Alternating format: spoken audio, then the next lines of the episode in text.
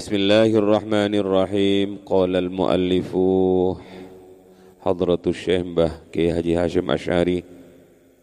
ونفعنا به وبعلومه وأمدنا بأسراره وأعد علينا ببركاته في الدارين.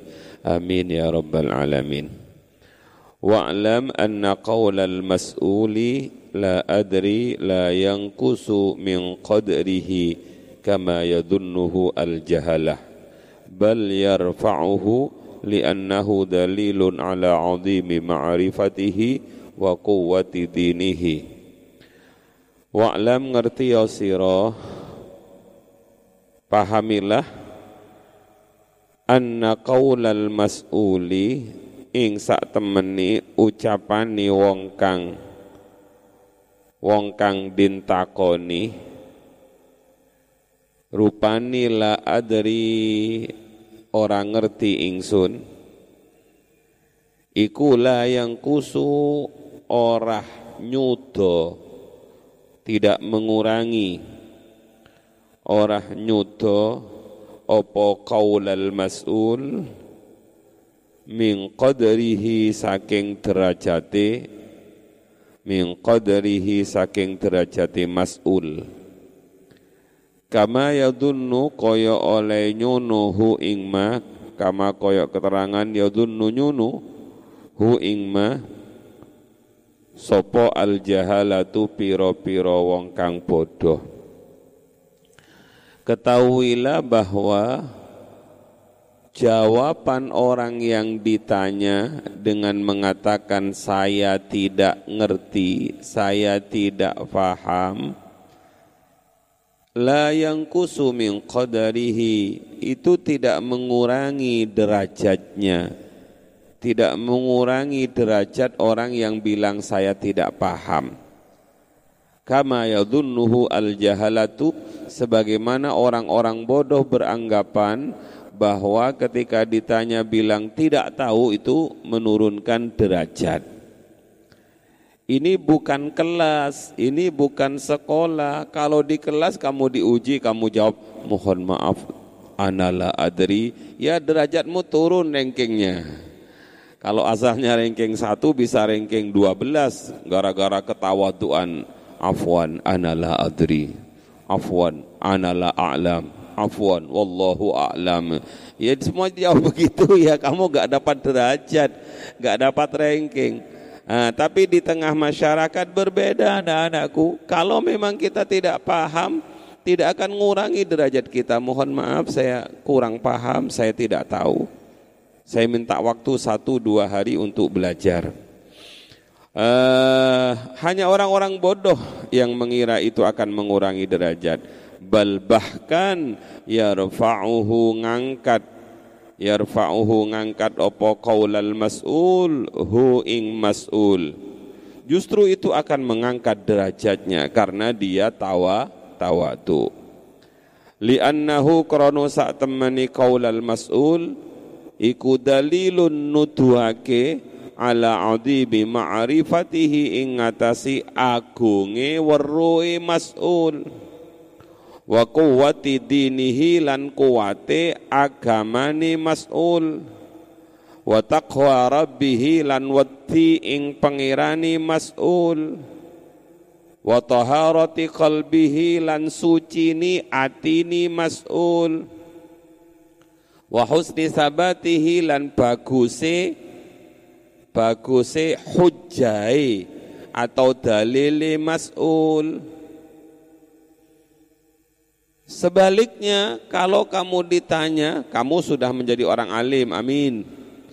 Misalnya kamu sudah menjadi tokoh masyarakat, ada orang yang tanya kepada kamu, kamu jawab la adri, la a'lam, mohon maaf saya belum paham itu justru atau bahkan akan meninggikan derajatmu. Kenapa? Li'annahu dalilun karena jawabanmu yang mengatakan saya tidak tahu itu adalah menunjukkan audimi ala audimi ma'rifatihi. Kamu sebenarnya pengetahuanmu, ma'rifatmu itu tinggi. Yang kedua, kuwati dinihi menunjukkan bahwa agamamu kuat karena agamamu kuat kamu nggak jawab sembarangan. Ini urusan agama bukan urusan enteng-enteng. Kalau saya jawab sembarangan, tanggung jawabnya di hadapan Allah berat. Nah, itu berarti menunjukkan kamu itu agamanya kuat. Karena kamu menghilangkan gengsi pribadimu demi agama. Yang ketiga, wa taqwa rabbihi Orang yang mengatakan tidak tahu apabila dia tidak betul-betul tidak tahu itu menunjukkan kalau orang itu takutnya kepada Tuhan, bukan takut malu kepada yang tanya. Dan yang selanjutnya adalah taharati qalbihi menunjukkan bahwa hatinya suci.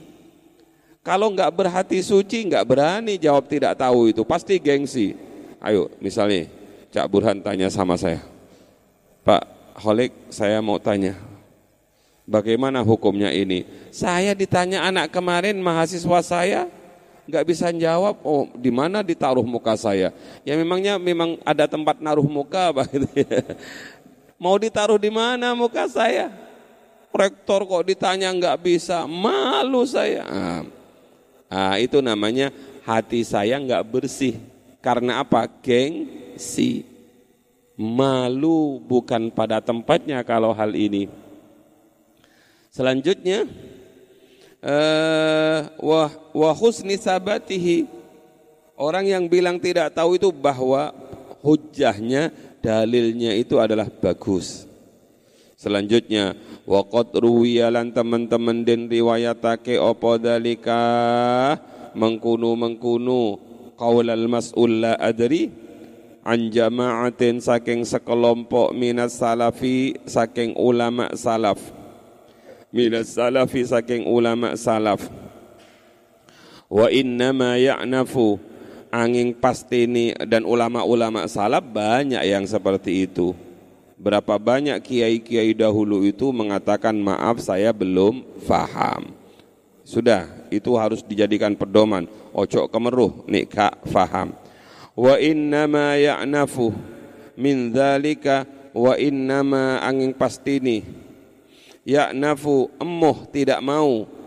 Min dzalika saking mengkunu mengkunu qaulal mas'ul la adri. Sapa man wong dha'ufat kang apes apa dianatuhu agamaniman orang yang tidak mau mengatakan saya tidak paham Akhirnya dia memaksakan diri menjawab menurut pemahaman dia yang kemungkinan besar itu salah. Itu sebenarnya menunjukkan lemahnya agama orang itu karena orang itu lebih mendahulukan gengsinya dibandingkan tanggung jawab keilmuan. Satu.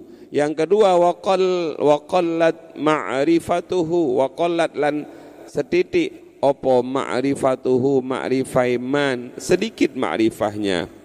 Li'annahu kenapa? Li'annahu krono sesungguhnya man? Iku ya khaufu takut sapa man? Suqutahu ing gugure man. An a'yunil hadirin saking piro-piro pandangani wong kang podo hadir saya bilang tadi, kenapa dia disebut agamanya lemah, makrifatnya sedikit? Karena orang itu takut harga dirinya jatuh di hadapan audien, di hadapan mustamiin, di hadapan poro santri. Sudah. Wahadihi utawi iki-iki wahadihi utawe iki iki. Uh, wahadihi utawe iki iki iku jahalatun bodoh. Warikotu dinin lan tipisi agama. Orang yang merasa takut jatuh harga dirinya di hadapan orang lain itu berarti orang itu bodoh agamanya tipis. Kenapa bisa dikatakan bodoh dan agamanya tipis? Karena dia sebenarnya punya sifat yang sangat amat bahaya yang disebut ujub, takabur, ria. Kalau dia enggak ujub, kalau dia enggak takabur, kalau dia enggak ria, pasti dia akan enteng saja mengatakan saya ndak faham. Tapi karena khawatir harga dirinya jatuh, maka dia memaksakan untuk memaham-mahamkan diri. Warubbama lan terkadang yashtahiru kondang masyhur opo uhu kesalahan iman bainan nasi ing dalam antarani bainan nasi ing dalam antarani menungso fayaqa'u mungko jatuh man fima ing dalam perkara farro kang melayu sapa man anhu saking ma. Wayat tasifulan bersifatan sapa man indahum ing dalam sandingin nas bima kelawan perkara ihtaraza kang ngedoi sapa man minhu saking man Waqad adzabah terakhir. Waqad adzaba lan teman-teman mulangi toto kromo Sapa Allah Ta'ala Allah Ta'ala Al ulama ing piro-piro wong alim Bikisoti Sayyidina Musa kelawan kisah Nabi Musa. Ala nabiyina ing ngatasi nabi kita wa alaihi salatu wassalam wa alaihi lan ingatasi Musa iku ingatasi Musa as-salatu utawi salawat wassalamu lan salam ma'al hadari ma'al hadiri sertani Nabi Yullah Hizir alaihi salam. Hina lam yarudda nalaikani ora ake sopo Musa Nabi Musa al ilma ing ilmu ilaihi ta'ala marang Allah ta'ala. Lamma su'ila tatkalani dintakoi sopo Musa hal ahadun fil ardi a'lamu minka hal onoto ahadun utawi wong suci fil ardi ing dalem bumi? Iku a'lamu luwe ngerti. Sapa iku a'lamu luwe ngerti? Sopo ahad mingka saking siro. Beberapa kisah yang ditulis dalam Al-Quran itu sebenarnya Allah ingin memberikan pendidikan karakter di antaranya kepada para ulama. Bahwa Allah mengkisahkan pertemuan Nabi Musa dengan Nabi Hidir. Allah menyuruh Nabi Musa untuk bertemu dengan Nabi Hidir. Karena waktu itu Nabi Musa itu takut jatuh harga dirinya. Saat Nabi Musa ditanya, apakah ada orang yang lebih alim dibandingkan engkau wahai Musa? Nabi Musa mengatakan, tidak ada. Jadi Nabi Musa itu tidak menisbatkan ilmunya kepada Allah, tapi beliau itu waktu itu ya memang di, dianu oleh Allah dibuat seperti itu. Begitu Nabi Musa mengatakan tidak ada padahal ada wa fauqa kulli ilmin alim di atas orang yang alim itu pasti ada yang lebih alim. Makanya kemudian Nabi Musa disuruh oleh Allah untuk bertemu dengan Nabiullah Hidir alaihissalam. Carilah seorang laki-laki, dia berada di pertemuan dua lautan. Ah, dia lebih alim dibandingkan engkau. Singkat cerita, akhirnya Nabi Musa bersama pengikutnya satu orang itu berjalan mencari orang tersebut. Dan akhir singkat cerita dipertemukan oleh Allah seperti yang saya ceritakan dalam kajian munajat itu. Kenapa? Dipertemukan dengan seorang nabi yang bernama Hidir alaihi salam. Dan Nabi Hidir itu ilmunya adalah ilmu laduni, ilmu yang tak ter batas karena langsung dari Allah Subhanahu wa taala. Inilah caranya Allah mendidik adab Nabi Musa sehingga Nabi Musa kemudian menjadi seorang nabi yang tawaduk. Eh, kenapa? Karena fawajada uh, makanya keduanya bertemu dengan seorang laki-laki uh, allamnahu min ladunna ilma yang saya kata Allah ajari dari sisi saya ilmu. Dalam bahasa beberapa pengakuan bahwa nabi-nabi itu hebat, karena adabnya itu langsung ditangani oleh Allah Subhanahu wa taala. Nabi Muhammad pernah tahu adabani Robbi fa ahsana ta'dibi. Yang mulangi adab saya itu langsung Allah. Maka tidak ada yang lebih bagus dibandingkan ulanganipun Allah. Lah ketika kita tahu bahwa para nabi itu adalah adabnya dijaga, dilindungi, ditoto oleh Allah, kita tinggal niru semampu kita. Sebab di para nabi itu ada uswatun hasanah. Laqad kana lakum fi rasulillahi uswatun hasanah. Cukup. Lima menit saya buat untuk membaca akhir daripada taklimul muta'allim. Ingin saya berkolaborasi dengan Taklimul Muta'alim karena saya menganggap ada yang uh, saling melengkapi. Kitabnya Bahashim ini hebat, kitabnya Ta'limul Muta'alim ini juga hebat. Maka Syekh Sarnuji saya ambil yang ke 10 yang ke-8 sampai dengarkan saja anak-anak yang ke-9 Fadlu, faslun fi syafaqati wan nasihati. Pasal menjelaskan tentang sifat belas kasihan dan memberi nasihat. Sampai dengar saja. Sampai ambil pelajaran. Wa yanbaghi ay yakuna sahibul ilmi musyfiqan nasihan ghaira hasidin Seyogyanya orang yang menjadi sahibul ilmi, pemilik ilmu itu punya sifat satu musyfikon. Dia harus memiliki sifat belas kasihan baik terhadap manusia maupun terhadap hewan, makhluk yang lain. Yang kedua, nasihan, dia memberi nasihat. Yang ketiga, ghairu hasidin, tidak boleh ada sifat hasud dalam orang yang memiliki ilmu. Kenapa? Fal hasadu yadurru wala yanfa'u. Karena hasud itu berbahaya dan tidak ada manfaatnya sama sekali. Wa kana ustaduna Islam Burhanuddin rahmatullahi alaihi yaqul Guru kami namanya Syekhul Islam Burhanuddin guru guru kami itu julukannya adalah Syekhul Islam gurunya dalam Islam syekh dalam Islam namanya Burhanuddin rahmatullahi alaih. Syekh Burhanuddin. Beliau berkata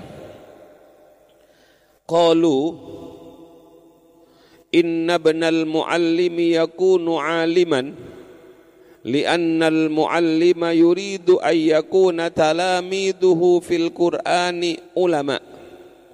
Fabibarkati i'tiqadihi wa syafaqatihi yakunu ibnuhu aliman ini kelebihannya menjadi anaknya kiai ini kelebihannya menjadi anaknya orang alim inilah kelebihan menjadi anaknya seorang ustadz anaknya seorang guru.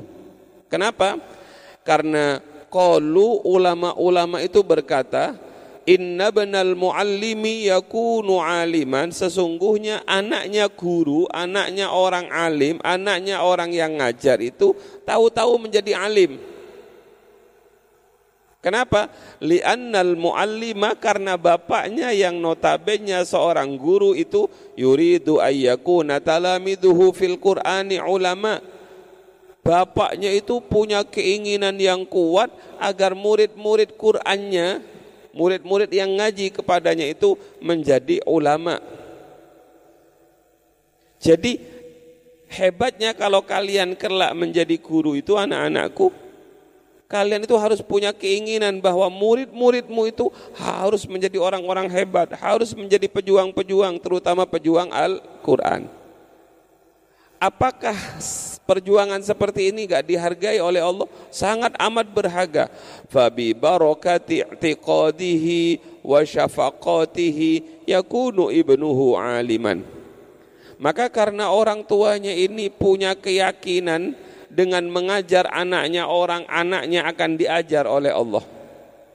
Dengan memberi ilmu kepada anaknya orang, anaknya akan diberi ilmu oleh Allah. Dengan perasaan belas kasihan kepada murid, belas kasihan kepada santri, anaknya kelak akan menjadi alim. Betul terjadi. dengan barokah khidmatnya seorang alim dengan barokah belas kasihnya seorang alim yakunu ibnuhu aliman. Anaknya tahu-tahu menjadi alim. Enak ya? Oh, nggak usah belajar. Oh, nunggu. Ini namanya alim keramat gandul. Nah, karena gandul-gandul sama abai. Makanya kadang-kadang anaknya itu dikerikan kadang-kadang anaknya itu diakhirkan. Bahkan kadang-kadang gak sempat nunggoi anaknya gara-gara nunggoi anaknya orang. Dan itu terjadi. Wa kana yuhka diceritakan anna sadral ajal burhanal a'immah. Ada seorang syekh bernama Sadrul Ajal. Burhanul A'immah. Ja'ala waqtas sabqi libnaihi as-sadri syahid hus Husamiddin wa sadri Sa'id Tajiddin. Sesungguhnya Syekh Sadrul Ajal Burhanul A'imma ini mengkerikan nah apa ya membagi giliran ngajar untuk anak-anaknya itu belakangan. Dia punya anak pertama namanya As-Sadrus Syahid dengan As-Sadrus Sa'id Husamuddin dengan Tajuddin Dua punya anak dia. Tapi ketika ngaji waktu duha seperti ini, santri-santri kalong yang datang dari jauh itu, ayo kamu ngaji, kamu, kamu. Hasan Hussein belakang. Nanti aja men. Anaknya sendiri itu dikasih waktu belakangan sisa-sisa. Ya protes anaknya itu. Fakana yakulani uh, dikasih waktu sohwati al kubra dikasih waktu duha agak belakangan. Yang depan-depan waktu fresh-freshnya itu diberikan ke anaknya orang lain. Fakana yakulani maka kedua anaknya itu berkata Inna tabi'atana takillu wa tamullu fi dhalikal waqti ayah kalau waktu sudah jam 11, setengah 12 itu kami nunggunya sudah bosan. Waktu itu juga kami sudah mulai lelah. Mbok yo kami lah yang didahulukan kan kami ini anak jenengan. Mereka kan anaknya orang. Betul enggak protes anaknya ini? Betul. Karena dia meminta haknya. Maka bapaknya faqala abuhuma bapaknya berkata, Sodrol Ajal itu berkata, innal ghuraba wa auladal kubara ya'tunani min aqtaril ardi fala budda min an uqaddima asbaqahum. Ketahuilah anakku sesungguhnya santri-santri itu anaknya orang-orang besar itu datang kepadaku dari tempat yang agak jauh dari penjuru-penjuru tempat ada yang datang dari sana dari sana dari sana sana. Fala budda min an uqaddima asbaqahum. Maka maaf ya nak saya harus mendahulukan mereka gilirannya. Mereka dulu kamu yang belakangan. Toh bapak enggak ke mana-mana habis ini tetap di sini. Kata anaknya ya dikalahkan. Tapi punya keyakinan bapaknya itu maka fabi barkati syafaqatihi dengan barokah rasa sayangnya Kiai Sodrul Ajal kepada murid-murid yang datang dari jauh itu apa yang terjadi? Anak-anak faqa ibnahu ala aktsari fuqaha'i ahli al-ardi fi dzalikal asri fil fikhi maka anaknya ini luar biasa melejit mengalahkan aktsari fuqaha'i ahli al-ardi mengalahkan tokoh-tokoh fikih, tokoh-tokoh alim tempat itu fidalikal asri pada masa itu fil fikih dalam urusan fikih. Jadi anaknya yang dikalahkan karena belas kasihan kiainya kepada santri-santrinya itu menjadikan anaknya itu ditinggikan derajatnya oleh Allah. Kalau Allah ingin ngasih ilmu kan gampang. Wa'allamnahu milladunna ilma. Maka kalau kalian kebetulan ayah kalian itu ngajar ngaji, kalian ditaruh belakangan, ya ngersulo sih wajar. Tapi akan ada hikmah yang luar biasa. uh, wa yanbaghi alla yunazzi'a ahadan wa la yukhasimahu li'annahu yudayyi'u awqatihi pembahasan lain orang alim orang ngaji itu seharusnya tidak ada permusuhan tidak boleh bermusuhan dengan seorang pun karena permusuhan itu hanya menyia-nyiakan waktu, menghabiskan waktu. Maka ada kata-kata yang sangat indah kila al-muhsinu sayuza bi ihsanihi wal musiu sayakfihi masawihi. Orang yang berbuat baik itu akan dibalas dengan kebaikannya, sedangkan orang yang berbuat jelek itu akan kembali kejelekannya itu kepada dirinya sendiri. Cukup. Yang terakhir, terakhir.